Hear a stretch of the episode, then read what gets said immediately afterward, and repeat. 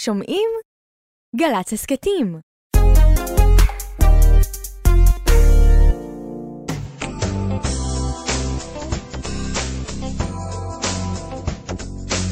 כל הכבוד, עם נתנאל סמריק.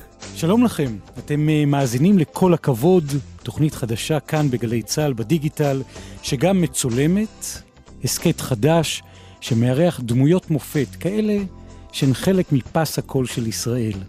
אני נתנאל סמריק, ובעזרת אורח מיוחד בתוכנית, ועוד איזה אורח יש לנו כאן היום, לצד הקלטות נדירות מארכיון גלי צה"ל, נזכה לשמוע וגם לראות סיפורים שחלקם לא סופרו מעולם. האורח שלנו, בפרק הראשון של התוכנית בדיגיטל, תוכנית שנשענת על 70 על 70, שהצדיע ל-70 שנות שידור ציבורי, האורח הראשון הוא בשתי מילים, שלמה ארצי. מעט אנשים כל כך אהובים כאן כמו uh, שלמה ארצי, הוא עכשיו באולפן. שלום לך, שלמה. שלום, אה, נתנאל. כדי להיכנס לאווירה, אני רוצה ברשותך להניח מתוך הארכיון קטע אחד, נעימה אחת. בואו נשמע אותה ביחד.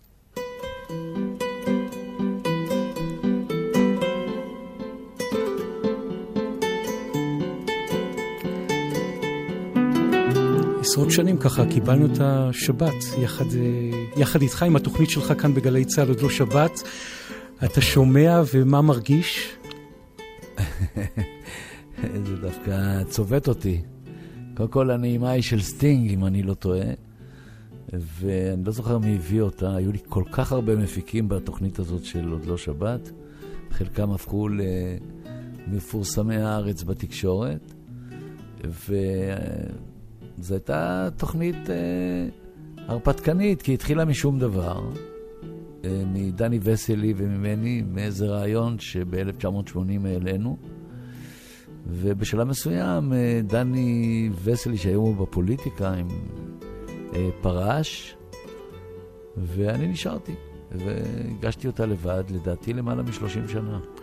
לגמרי, לגמרי מ- למעלה מ-30 שנה. ותחילת שנות ה-80, ג'ון לנון, הקלטה של יואב קוטנר. זה מה שקרה אז. I'm a loser, אני מפסידן, ג'ון לנון, 1964. שנות ה-60 לא יחזרו. אם הייתם צריכים הוכחה, זה קרה אתמול בלילה. אנחנו כאן נפרדים, בלי לסיים בעצם. זו הייתה הודעה שג'ון לנון נרצח. כן. ואתה שומע את הדברים, ומה עובר עליך? בזכרו? אז? כן, אז. כשהוא נרצח? וואו. זה היה, זה היה כאב גדול, אבל היו המון אירועים כאלה עוד ש, שעוד לא שבת ספגה אותם. זאת אומרת, זה לא היה... התוכנית הזאת הייתה מורכבת מכל כך הרבה פרטים, ו, ואם אני מנתח אותה היום ממרחק הזמן, היא עסקה באמת בדברים הקטנים כגדולים, דברים ש, שאני אוהב עד היום לעשות, כשאני כותב בידיעות, לקח את הדברים הקטנים ו... לפעמים להעצים אותם, או להקטין אותם, או להקטין את הדברים הגדולים, ולהפוך אותם יותר לאנושיים. אני ערבבתי בתוכנית הזאת אה, אה, דברים כמו סלט כזה גדול, או לא יודע איך לקרוא לזה, והחיים נכנסו לתוך הפרטים הקטנים והאישיים שלי וכולי וכולי, וזה היה לב התוכנית הזאת, שבזמן ההוא מאוד הצליחה, מאוד, כן. מאוד מאוד, והזכרת את הדברים הקטנים והדברים הגדולים. שלמה ארץ, אני ברשותך, מתוך הפסקול של גלי צה"ל, קטע אחד שמאוד נחרט מתוך התוכנית אה, שלך. בבקשה. ולבנון, תתפלאו, נחשבה לארץ השלום אז, בשנות ה-60. הייתה נראית מדינה קטנה, לא עושה בעיות, יענו צרפתים כאלה, נהנתנים כאלה, ביירות אמרו עליה שהיא פריז הקטנה. הם היו כל כך אה, אה, קטני צבא שלא היה סיכוי למלחמה איתם. וכך לאט לאט הפכה לבנון לבוץ. לאט לאט, לא בגשם גדול ונראה לעין, מבחינת הבוץ לפחות, אולי הוא יסתיים השבוע. זה הבוץ שאולי אז יסתיים השבוע, ו... הקשבתי בקשב, כן. וזה okay. הצחיק אותך. עכשיו? לא, לא, לא הצחיק אותי, אני דווקא התעניינתי כרגע, הקשבתי לניסוח שלי, ואיך ניסחתי אז משהו, ואתה יודע, במרחק הזמן, אה, כנראה שאני מנסח עדיין דומה. אה, כלומר, זה לא השתנה. אבל לא ידעתי שאז אני כבר אה, ניסחתי ככה דברים. זה, זה קצת, אה, זה מעניין, כן. ובשנים האלה, איפה שהתחיל הבוץ הלבנוני, נשמע שתי הקלטות על שני רגעים מאוד מטלטלים בתוך הזיכרון הקולקטיבי, זיכרון הפסקול כאן בגלי צה"ל וזיכרון המדינה. 1982 פורצת המלחמה ההיא, מלחמת שלום הגליל. כן. צה"ל ממשיך גם בשעה זו במבצע שלום הגליל, שהחליטה עליו היום הממשלה, ומטרתו להרחיק את תושבי הגליל מטווח האש של המחבלים בדרום לבנון. ושנה אחר כך, 83, אתה בטח זוכר, שלמה, אמיל גרינצוויג, הפגנת שלום עכשיו, הרימון והרצח הפוליטי. הנה ההקלטה ההיא. בסביבות השעה תשע הערב מול לשכת ראש הממשלה, כמאה איש אה, נושאי נרות נשמה וכרזות התאספו בכיכר מלכי ישראל להפגנת אבל על מותו של אחד ממפגיני שלום עכשיו. כשאתה שומע את ההקלטות האלה וככה עושה, שלמה ארצי, רטרוספקטיבה לחיים שלך, הרגע המטלטל ביותר מהחיים שלך שאתה זוכר? בחיים בכלל? בכלל, בכל בכלל. בכל שנותיי? או בתקופת השידורים האלה? מכל שנותיך. וואו, מה, זו שאלה גרנדיוזית מדי.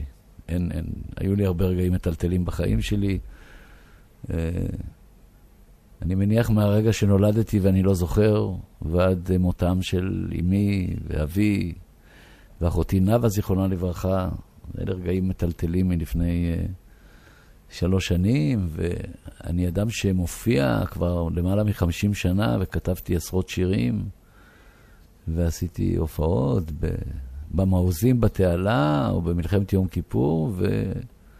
ואפילו לשמחתי הגעתי עד למדיסון סקוויר גרדן, ובטח קיסריות, לא יודע, כל כך הרבה רגעים עברתי בחיים שלי.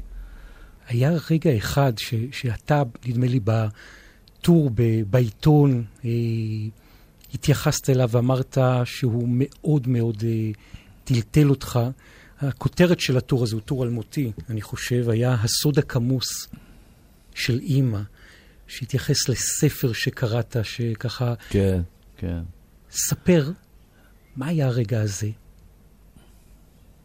אה, אימא שלי הייתה ניצולת שואה מאושוויץ, והיא לא כל כך דיברה, והיא הסתירה סוד שהתגלה לי כשהייתי כבר, אני חושב, בן 30, והלכתי להתפלל בבית הכנסת בניר עציון, מעל עין הוד, עם הבן שלי ועם מי שהיה אחר כך כתב בגלי צהר. אור הלר. אה, אור הלר, נכון, שהוא חבר של בן בן. ואז ניגשה אליי איזו אישה ואמרה לי שהיא אחות של הבעל של אימא שלי. אבל כיוון שלאבי לא היו אחים ואחיות, אז לא הבנתי מה היא אומרת. וככה הבנתי שלאמי היה בעל ראשון. ו... ולימים, לפני כמה שנים, יצא ספר של קרוב משפחה שלו, ושם פעם ראשונה ראיתי תמונה של אימא שלי ובעלה הראשון בחתונה. אה, אירוע מאוד מטלטל, כן. לגלות ש... שהיו לה חיים לפני החיים שלנו, אה, והיא הסתירה את זה כל כך אה, חזק מאיתנו. זאת אומרת, אתה בעצם בשיחה אגבית, בגיל 30, מגלה שאתה לא הבן הראשון של אימא שלך? אני אומנם הבן של אימא שלי, אבל לא הראשון, כן. והבן הראשון שלה, אני לא הראשון, ואבי הוא בעלה השני. וכשאתה שומע את הדברים האלה ככה בפעם הראשונה, מה, מה, מה אתה מרגיש? מה עובר בלב? זה שאלות עיתונאיות מדי, אני לא יודע. אני מניח שהייתי בשוק. אני זוכר שהלכתי אחר כך לדבר עם אחותי ועימי, אה, קצת מתוך חשד אפילו, מאיפה זה נפל עליי או עלינו, אבל לאט לאט התברר שזו הייתה אמת. ואימא באמת אישרה באותה שיחה? היא פתחה את ליבה או שזה היה... אימא אישרה והתפתלה, והרבה שנים התפתלה, ובסופו של דבר, אה, כן, היה לה... היה לה גבר שהיא אהבה אותו והתחתנה איתו לפני אבא שלי, והוא נספה בשואה. כן. וואו.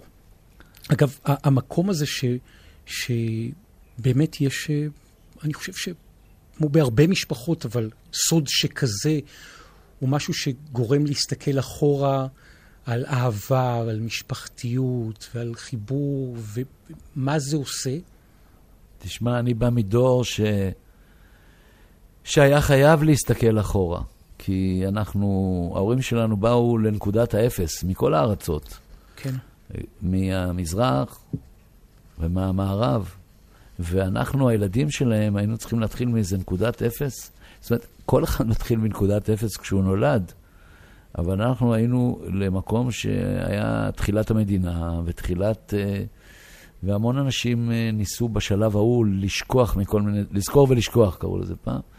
לשכוח מכל מיני דברים שהם עברו, את התלאות, את, ה, את הסיוטים, ובתוך כל השכחה הזו, שאחר כך, אחריה הגיעה ההיזכרות, וזה הופיע כבר בשירים וסיפורים, אבל בשלב ההוא של השכחה, לפחות אימא שלי החליטה שהיא לא צריכה לספר לנו על העבר שלה, והסתירה אותו מאיתנו. ולכן ההתגלות הייתה כל כך uh, מוזרה ואקראית. אבל uh, זה, אלה היו תנאי הגדילה שלנו כילדים בשנות ה-50, 60, ולכן בסופו של דבר זה לא מפתיע, כי זה, זה מה שהיה. אני אספר לך עוד משהו, שלאמי, למרות שהייתה מאושוויץ, לא היה לה מספר על היד. כן. והמון שנים זה הטריד אותי.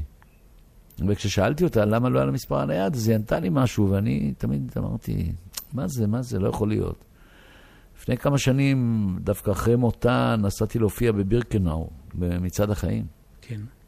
ולפני זה היה לנו איזה סיור בביתנים שבאושוויץ, ואז המדריך אמר שכל אלה שהגיעו לקראת סוף המלחמה לא עשו להם מספרים. ונזכרתי שאם היא הגיעה באמת לקראת סוף המלחמה לאושוויץ. אז, אה, והבנתי שהסיפור שלה היה אמיתי. אז אנחנו נענו והיטלטלנו בין סיפורים אמיתיים לבין הדמיון שלנו.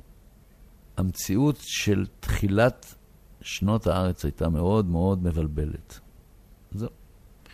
אתה יודע, כשמחבר הספר, הרב יעקב שפירא, שהוא באמת קרוב משפחה, ו... והניח את זה, זה משהו שמעורר בך איזשהו געגוע, לנסוע, לראות, להכיר, לעבור ככה גם בחיים הקודמים של הדור הקודם של המשפחה, של אימא שלך? אה, אני נסעתי, הייתי ברומניה, והוריי רומנים. נסענו ב-1986. אה, כל המשפחה הקטנה שלנו דאז, כללית היינו משפחה קטנה תמיד, כי להוריי לא היו אחים ואחיות, אז לא היו לי בני דודים וכל הדבר הזה. נסענו, שישה אנשים, אה, לראות את המחוזות שהם באו מהם. זה היה אירוע מאוד מרגש. ומאז לא חזרתי לשם, למעט הנסיעה למצעד החיים. דיברת על uh, התרגשות, רעיון מאוד מרגש שלך כאן בגלי צה"ל, יחד עם uh, הדר מרקס, שאתה אפילו מספר על מה רואות עיניך מאחורי המשקפיים. בוא נשמע קטע מההקלטה הזאת. תחת משקפי השמש, היום מחשיך מעט לפני זמנו. לא רואים שאני בוכה. אז אתמול היה טוב, ויהיה גם מחר. ואני רוצה שנסיים עם כזה, איזה איחול לשנה טובה. שלי? כן. וואי, לעם ישראל את מתכוונת. אני מאחל לישראל שיהיה לה פחות ריב ומדון בתוכה. זה איחלת אז, שלמה, ואתה שומע את עצמך היום ומאחל היום בעצם? אני לא יודע מתי היה אז, זה לא לפני הרבה שנים לדעתי. נכון. לפי הכל. אני מאחל לנו אותו דבר, ולצאת מה... מהווירוס הנוראי הזה ש... שלא מאפשר לנו, אין ודאות בחיים באופן כללי. באמת, אנחנו נולדים לחיים לא ודאיים בכלל. אבל הוא, הווירוס, הקורונה, היא, היא כמובן הדגישה את, ה, את חוסר הוודאות של חיינו, והלוואי ו... וזה התפייד, פתאום יום אחד, כמו איזה כאב גב שהתפייד בפריצת דיסק, או מזג אוויר חם שנעלם, למרות שאנחנו נמצאים בשלבי ההתחממות של כדור הארץ. אה, או כמו שנדמה לי התפיידה השפעת הספרדית, או הסארס, כאילו יש לי כל הזמן איזה vision שיום אחד נקום וזה יתחיל לדעוך. הלוואי. כנראה גם לווירוס, בלי שאני מבין גדול בזה, אולי יש רק, יש uh, זמן חיים מסוים, ולא, והוא לא חייב להיות נצחי. סוג של... אז אני אה, מאחל לנו ש, שזה יקרה בזמן הקרוב הזה, וכמובן שלנו פה ומסביב יהיו חיים טובים. סוג של אה, תפילה, כמו במילים האלה האלמותיות של השיר, היה טוב ויהיה גם מחר. תשמע ביחד איתנו.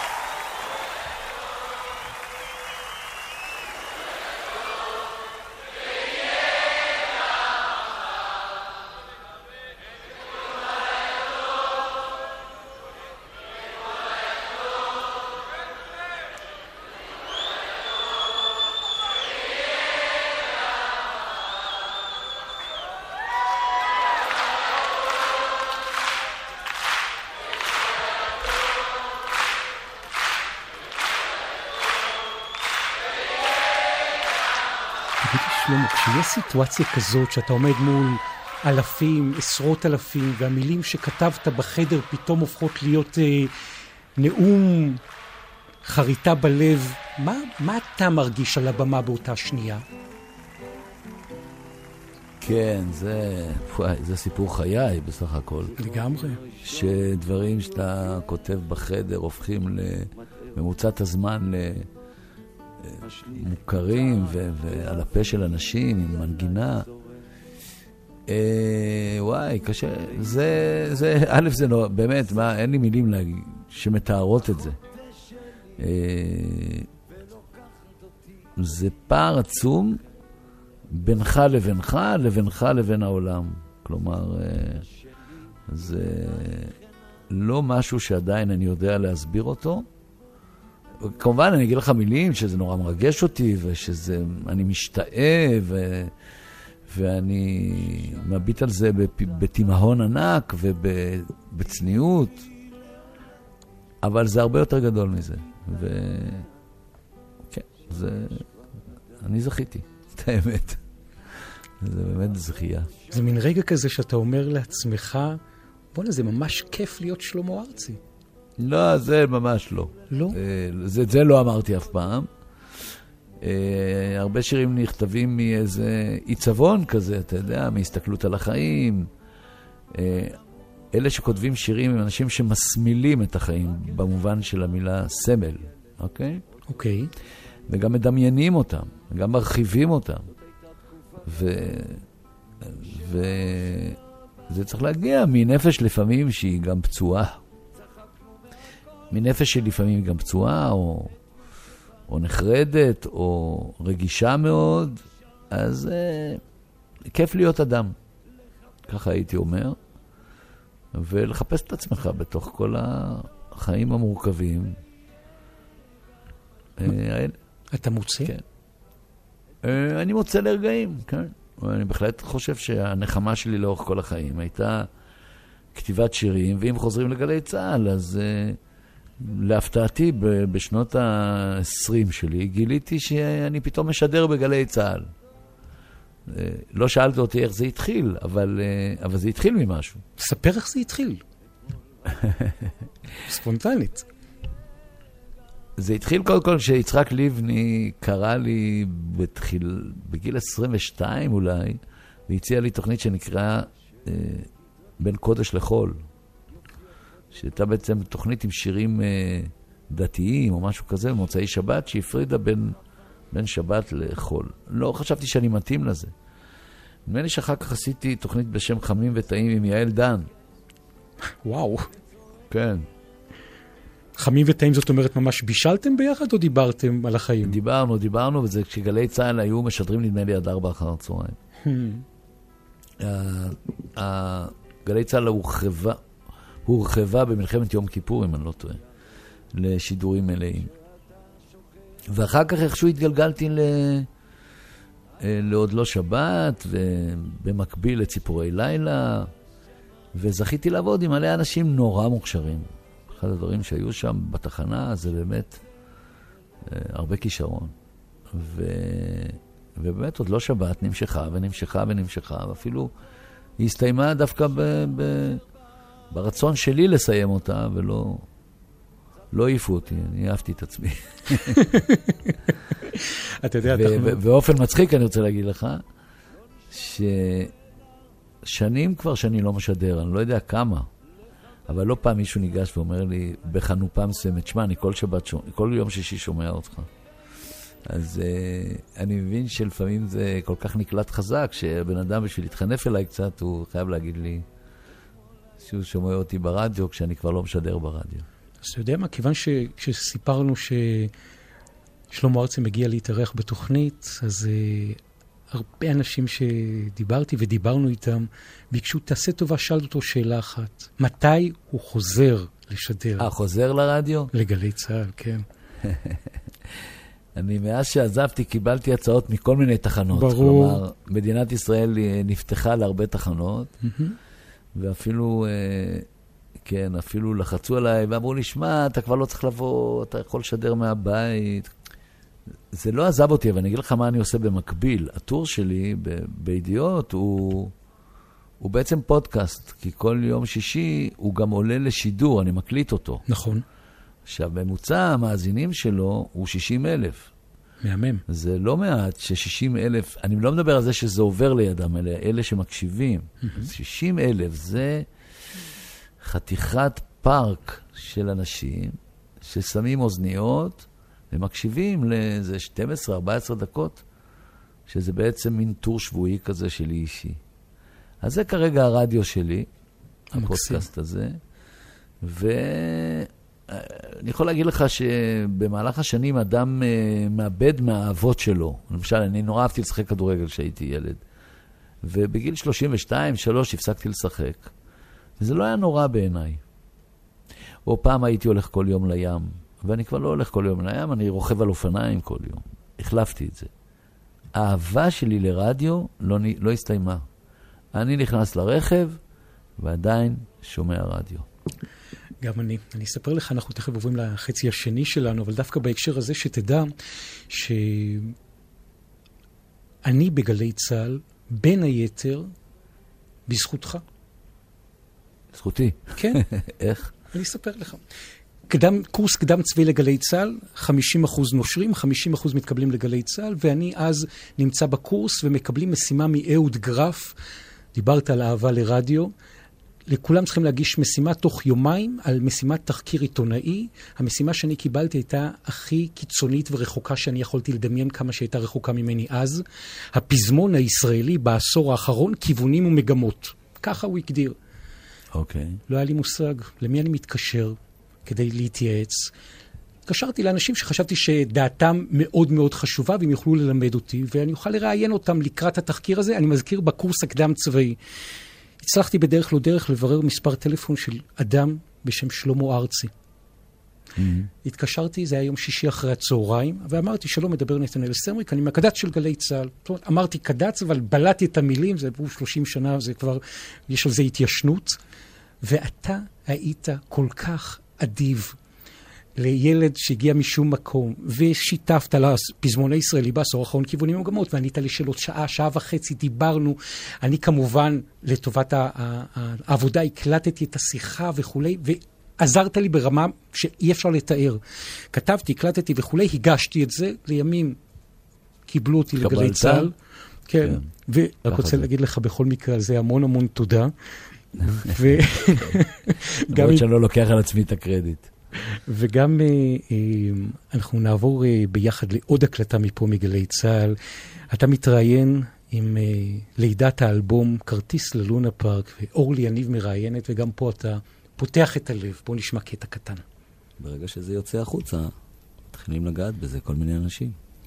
חלקם מתייחסים לזה באהבה ובכבוד, וחלקם מתוך ניסיוני, לא. אבל אני רוצה שאולי תנסה להסביר מה זה הפחד הזה שמלווה. את היציאה? כן. תראי, יש קודם כל פחד שמלווה את העשייה כל הזמן. לפעמים שומרים זיוף מסוים בכוונה, לפעמים כשאתה יוצא מהקצב, אתה אומר, אני לוקח אחריות. אז כל הזמן צריך לקחת אחריות בעשיית התקליט. יש פחד שלא יאהבו, פשוט? אני חושב שלכל אדם יש פחד שלא יאהבו אותו, בטח.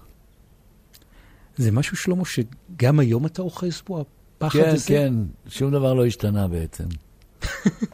כן, אה, גם השנים שעברו, וכרטיס ללונה פארק יצא ב-91, והוא לא, לא נחשב לתקליט מצליח שלי. אה, לימים התאהבו בו, הוא נהיה קאלט, אבל באותה תקופה הוא, הוא לא היה הצלחה גדולה, וכן, בהחלט, אני עד היום אה, אה, מהסס, אה, אף אחד לא יודע כשהוא כותב שיר אם, אה, אם יאהבו אותו כשהוא יצא החוצה, ו... ואיך יקבלו אותו. אז אה, כן, התחושה הזאת של החשש אה, מקננת תמיד. זה לא עובר, כמו שאנשים אומרים, וואלה, אתה עשית כבר ומכרת, והיית 300 פעמים בקיסריה וזה וזה. שם, אגב, אני לא בחשש, אבל uh, בהופעות. בהופעות אין לי דפיקות לב, אבל בהוצאת שירים, כן, כן, עדיין. אני מבקש, אה, ברשותך, ללכת אה, ביחד, הזכרת את אה, קיסריה, 300 פעמים? באמת 300 פעמים? שמע, זה לא בספירה מדויקת, זה בחישוב כללי. אז בואו נלך ברשותך. התחלתי את זה, התחלתי את זה ב-85. וזה הפך להיות סוג של בית, נכון? כן, זה מילים כאלה, אתה יודע, אני מכיר את קיסריה על בוריה, באמת, אה, בדיוק השבוע, בשבת האחרונה הייתי שם, ואמרתי לקהל, אה, גם סיפרתי להם איך נולד ערב טוב קיסריה, שכולם נורא אוהבים להגיד. אז, אה, ואמרתי להם שאני מכיר שם באמת כל אבן, למרות שהגביהו את הבמה לאחרונה ב-30 סנטימטר, נדמה לי 30. אה, כן, אבל זה לא פחות בית מאשר הייתה לי צוותא, או מועדון זאפה, שעשיתי בו גם בערך 300 הופעות, בין 250 ל-300. לכן זה... יש, מקום, יש, יש אולמות שהם בתים, ויש אולמות שהם, כמה שלא תבוא אליהם, הם נשארים לך זרים. למשל, הזכרתי את בריכת הסולטן, וזה אחד המקומות האהובים עליי, בדרך כלל. אני מקווה שאני לא אתבדה, אבל אני אוהב להופיע בירושלים. אז בואו נצלול לקטע אחד מתוך אה, קיסריה. אתה על הבמה, ואתה לא לבד.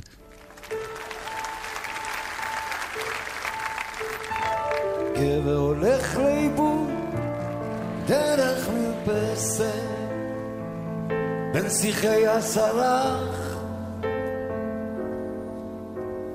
הוא מתנדנד כשהרוח נכנסת. הוא נעזר הוא נושר בסתיו אל תהיי כועסת הוא מאוהב בך. תבואי אליו לפעמים, הוא נרגע כשאת פה. יש לו דרכים משונות, את אוהבת אותו. איך נולדו המילים האלה? גבר. מה? איך נולדו? המילים וואי, האלה? זה היה ארוך. איך נכתבו המילים? האמת שבחמש דקות. גם המילים וגם המנגינה. זה לא היה מהשירים שעבר עליי סבל בכתיבתם. יש כאלה שלקח להם זמן. אה, ואני תמיד מגדיר את זה ש, שיש את הכתיבה של השיר ואחרי זה עבודה עליו. אה, המלחמה על שיר נמשכת שנתיים, שלוש בערך, עד שאתה מגיע לתוצאה שלו, ההפקתית.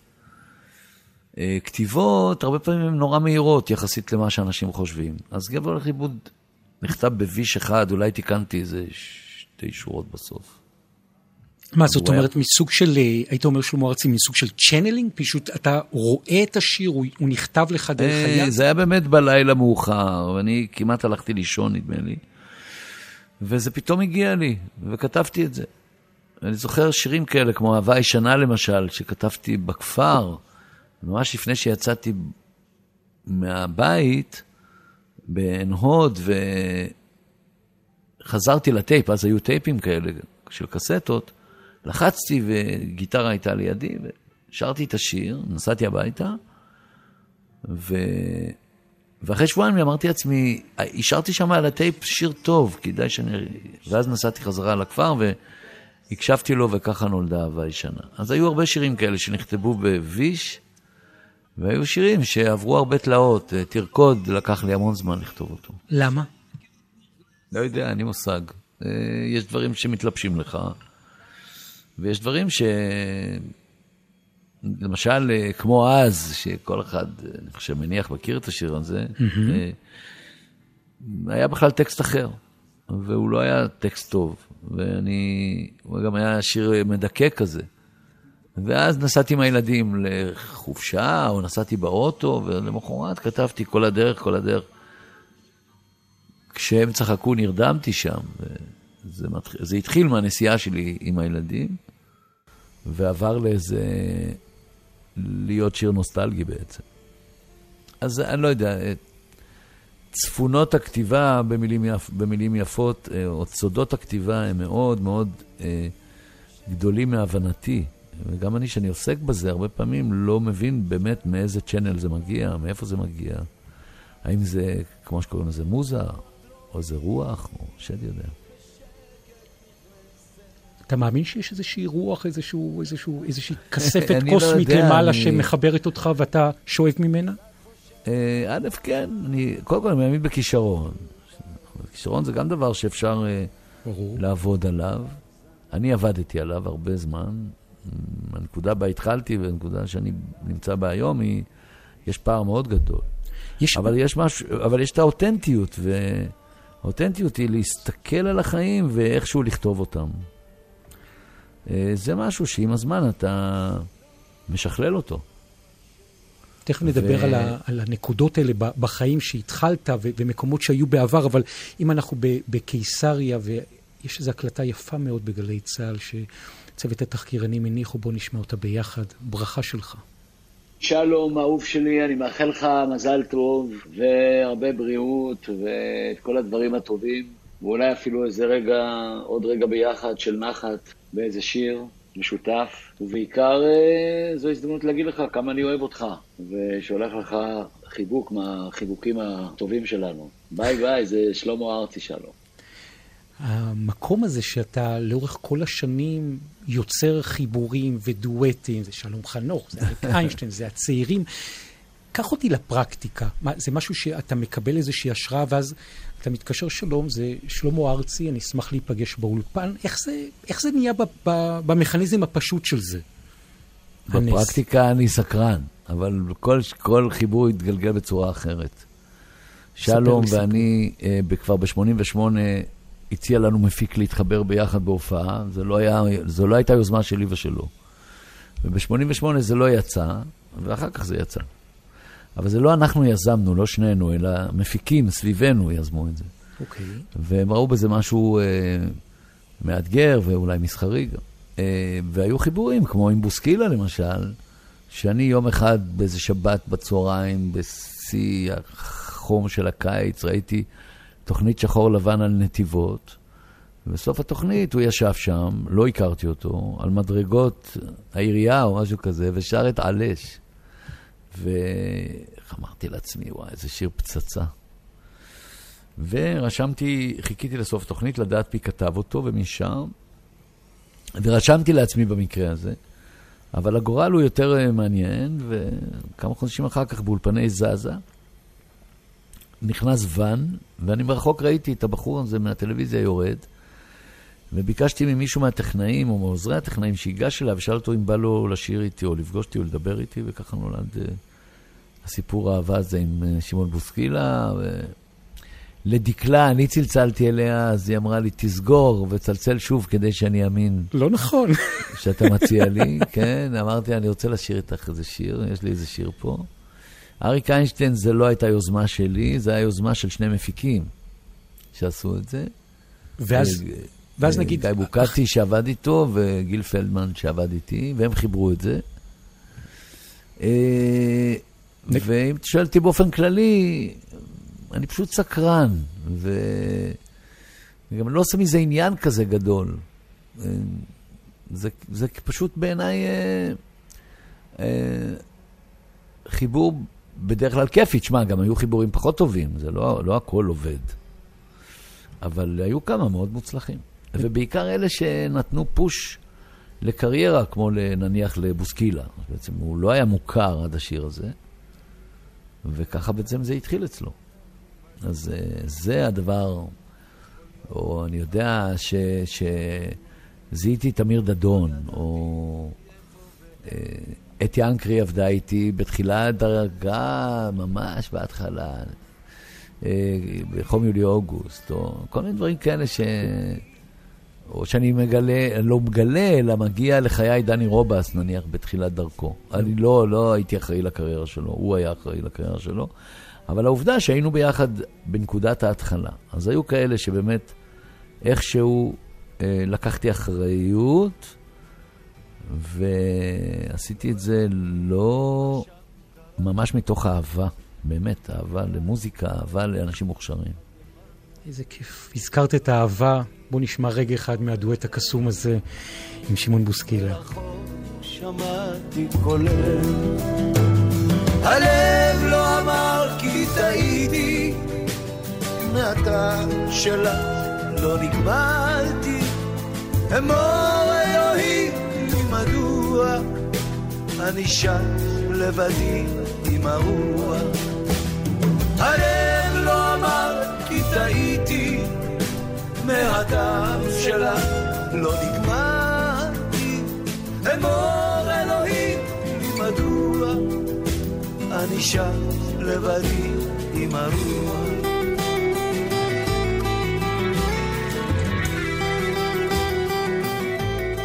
תגיד לי, זה כמו בסיפור אהבה, פשוט יש איזשהו קליק וכימיה באולפן על הבמה כן, שעובדת? כן, כן, כן, לגמרי. וזה באמת יכול להיות מאנשים שבאים משני קצוות העולם וממקומות uh, זרים, ודווקא שם הם מתחברים, והדבר שהכי מחבר זה כמובן מוזיקה. מוזיקה היא מחברת בכל מקרה. אז uh, היא באמת שפה שמחברת, אין, uh, לא צריך אפילו לדעת, uh, לא לדעת תווים ולא צריך לדעת uh, uh, מילים, אלא אתה מתחבר. ובמקרה של uh, שמעון, זה היה חיבור מיידי, באמת, מיידי. התאהבות. ממש, והזכרת את, אה, את תחילת הדרך ואת המקום שאתה גם בנית לאורך 30 ו-40 ו-50 שנה, את, את הכישרון. יש איזה מין אגדה אורבנית, שאין לי מושג אם נכונה או לא, אבל שהיה איזשהו רגע, אני לוקח אותך אי שם לתחילת שנות ה-70 או אמצע שנות ה-70, שאתה שקלת בינך לבין עצמך אולי, אולי, לעזוב את המוזיקה. זה, זה משהו נכון או פשוט אגדה? לא כזאת דרמה גדולה, אני שקלתי המון פעמים לעזוב, אבל באמצע שנות ה-70 לא הלך לי. זה היה נורא פשוט, לא הייתה לי עבודה. התחלתי חזק, הייתי מין כוכב אה, נולד כזה בפסטיבל הזמר ששרתי את האבטיה. חיל הים. ואחר כך, כן, ואחר כך הצגתי את ישראל באירוויזיון ב-75. אני לא מדבר אחרי חיל הים, חיל הים הייתי עוד בצבא, אבל...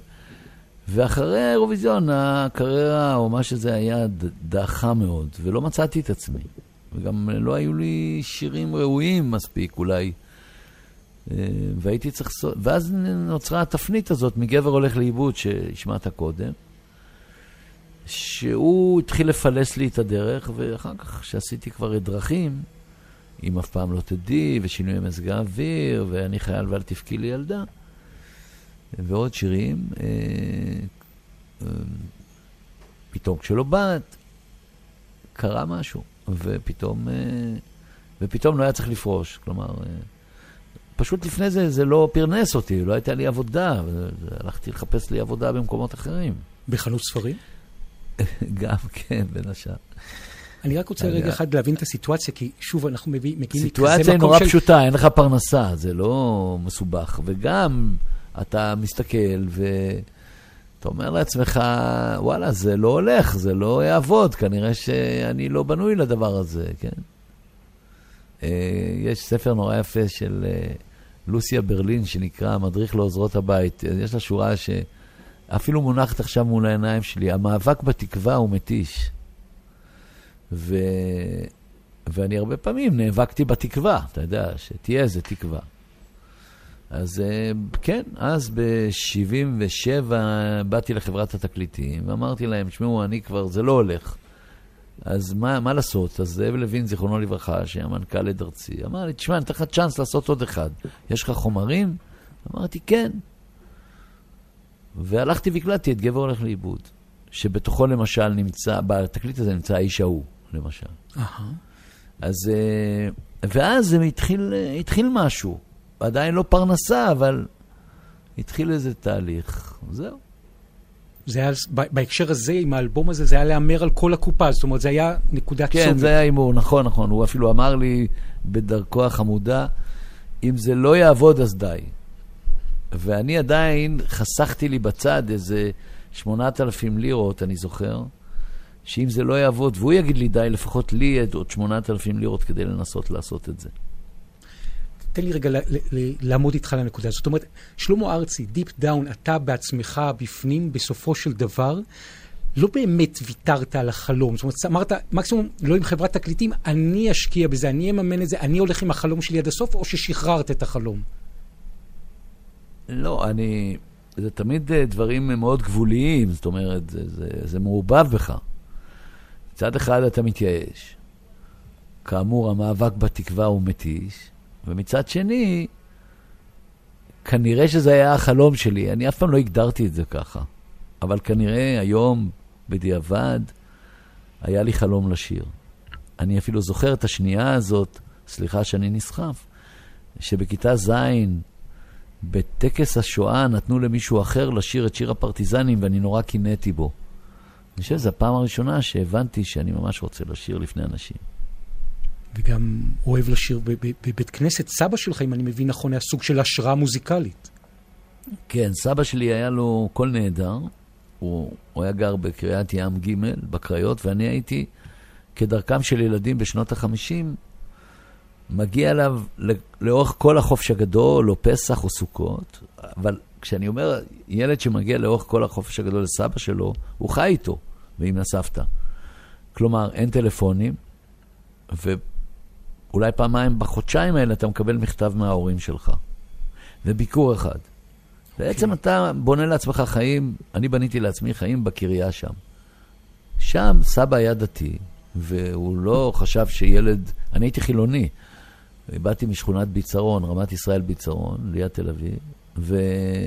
וכדי לכבד אותו לבשתי ציציות, לכבד גם את כל החבר'ה שהיו שם. רובם היו מתימן, יוצאי תימן או מרוקו, עיראק. ורומנים שתמיד הסתובבו איתם בשכונות.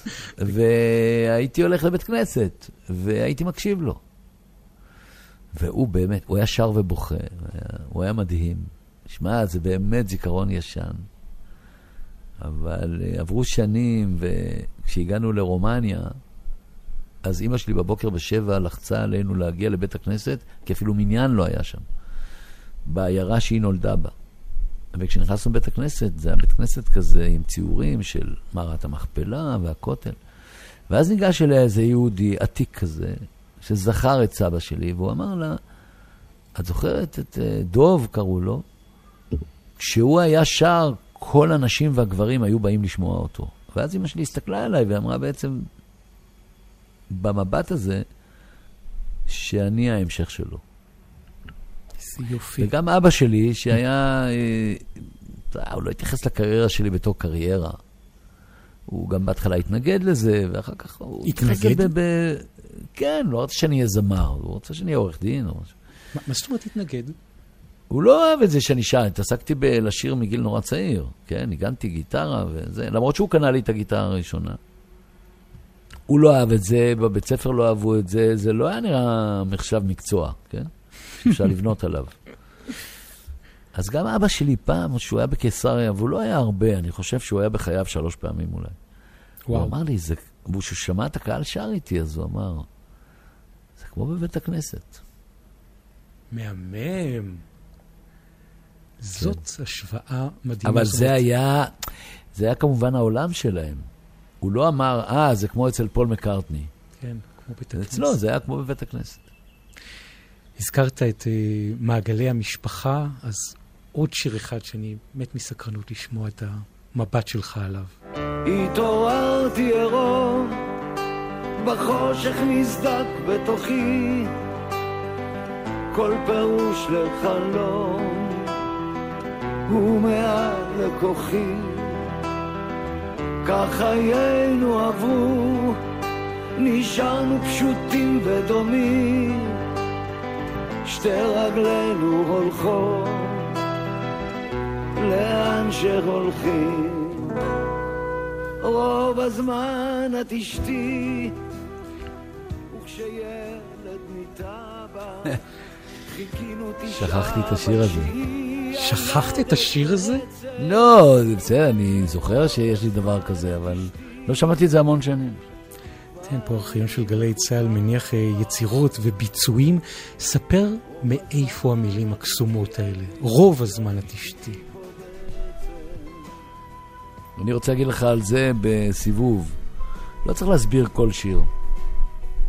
אנשים שואלים שאלות שהן אה, מבחינתי מיותרות, כלומר, קצת מיותרות. אתה שומע שיר, ותעשה את האדפשן של עצמך, תרגם אותו לעצמך. אם הוא מדבר אליך, ממש. אז סימן שהוא מדבר.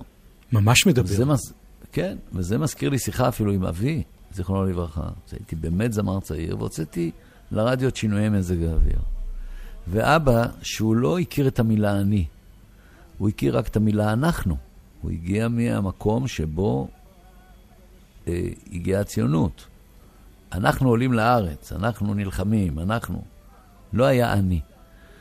האינדיבידואליזם היה מורכב מרבים, וגם השירה הייתה כזאת. ואז הוא שאל אותי, מה זה מעניין את מישהו שאתה אומר על עצמך? פעם הייתי אה, מקרב את כל הגוף לנשיקות, או שינויי מזג האוויר הביאו אותי לחשוב. את מי זה מעניין בכלל? זה הרי שלך, הוא אמר. ואני לא ידעתי מה לענות לו, ואמרתי לו אולי את התשובה הנכונה, שאם זה מדבר למישהו, אז זה שלו כבר. אז הוא מנכס לעצמו את השיר. אה, זהו, וזה נכון גם על רוב הזמן את אשתי. עובדה שהשיר התקבל, אני יודע, אני, להסביר אותו, וואלאק. מדלג. דילה, אני הבנתי, את ה... היה הרבה understatement בשתיקות, והמסר עבר בצורה בהירה. לא, לא כל כך ידעתי מה להגיד על זה, כי כבר, אתה יודע, אני התגרשתי מאז, אז... הבנתי אותך. תגיד לי, גלי צה"ל, אנחנו כאן אה, נותנים עוד אה, התבוננות שלך. 70 שנה, מה האיחול שלך ל-70 השנים הבאות? רגע, אני רוצה גם להוסיף שהתגרשתי בטוב ממילקה, שהיא ליוותה אותי המון שנים בשירים האלה, כמו שמיכל מלווה אותי בשנים האלה עם השירים שלי. אז זו הייתה תוספת חשובה. מה השאלה על גלי צה"ל? אה, האיחול שלך. האיחול שלך מה אני ל-70 מאחל לגלי צה"ל? כן. אני כתבתי באחד הטורים שלי שהגבוה, לדעתי הוא לא יסגור את התחנה, כי הוא, כי הוא במקלחת מזמזם שירים של חיילים. ומקום שמייצר תוכן הוא מקום אה, חשוב, כמו תרבות ב- בארץ שחיה, ודבר ראשון שהיא סגרה זה היה את התרבות שלה, כן? שהרי יש כזה סיפור נורא מקסים שאני סוחב מגיל צעיר, כן. על היפני או הסיני, או השד יודע, אה, שהוא היה נורא עני, ויום אחד הוא מצא מטבע, או שני מטבעות, לצורך הסיפור, ואז שאלו אותו, מה עשית עם שני המטבעות? הוא היה עני ורעב. אז הוא אמר, במטבע אחד קניתי לחם, ובמטבע אחד קניתי פרח. אז אמרו לו, היית רעב, יכולת לקנות בשני המטבעות לחם. אז הוא אמר, לא. הלחם זה שאני אוכל לחיות, והפרח זה שיהיה בשביל מה לחיות. וואו, ו... איזה יופי. ו- וההבנה שלי זה לא רק שזה ישר קופצים על הצד הפוליטי של זה, לא. שמעתי את ערן סבג, המון תוכניות מהממות. ממש. מהממות, זה, כזה- זה פודקאסטים מופלאים שעפים לך על האוזניים, כן? אז... ותוכניות שיואב עשה, מוזיקה, ו... ושמענו קודם את אורלי יניב, כל כך הרבה תוכן לאורך כל השנים האלה בגלי צה"ל. אז מדינה צריכה תוכן, שיהיה בשביל מה לחיות. גלי צה"ל עם uh, משל הפרח. אל תכבי את הרדיו הישן, נשמע עוד כמה שניות ביחד.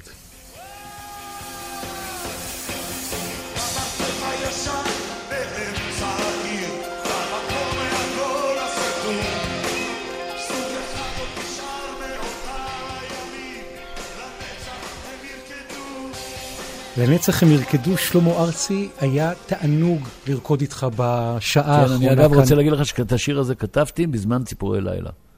מה זאת אומרת? שרבטתי אותו. המילים האלה שאל תכבי את הרדיו ישן באמת הגיעו בהשראת הרדיו.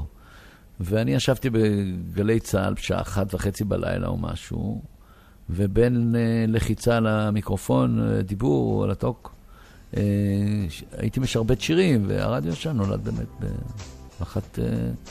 אחת התוכניות בציפורי לילה באיזה רגע כזה שבו שמעו שיר אחר, ואני כתבתי את השיר הזה. תודה רבה. ממש היה אה, לעונג צרוף. שלמה ארצי, כיף היה להיות איתך, להקשיב לסיפורים שלך. חלקם, נדמה לי, לא סיפרת קודם לכן באולפנים קודמים, או בשיחות אחרות, אולי רק בתוך אה, שיחות ממש ממש אישיות. אז תודה גדולה לך על האמון, זאת גם הזדמנות שלנו להגיד תודה ולחיצת יד לעושים במלאכה. אנשי מחלקת הדיגיטל, כאן בגלי צה"ל, ישי חסקי, אילי מנדלוביץ', לצד אופיר שלחוב שעל הארכיון, שלה את הפנינים הנדירות מתוך הארכיון. תודה רבה לאביתר נכון, שסייע לנו בהפקה. גלעד בלום, כאן איתנו בצוות הטכני, קיקו נדב בירושלים. ועוד אה, שלל אנשים שבלעדיהם לא היה קורה הנס המיוחד הזה שקרה כאן. אתם יכולים לשמוע וגם לצפות בתוכנית הזאת, בהסכת, בשלל הפלטפורמות הדיגיטליות של גלי צה"ל, גם ביישומון, גם ב story, באינסטגרם, בפייסבוק, ביוטיוב, ספוטיפיי, ביישומון של גלי צה"ל בכל זמן שאתם בוחרים. אתם מוזמנים גם להצטרף אלינו בפרקים הבאים, כי הולך להיות לא פחות מרתק.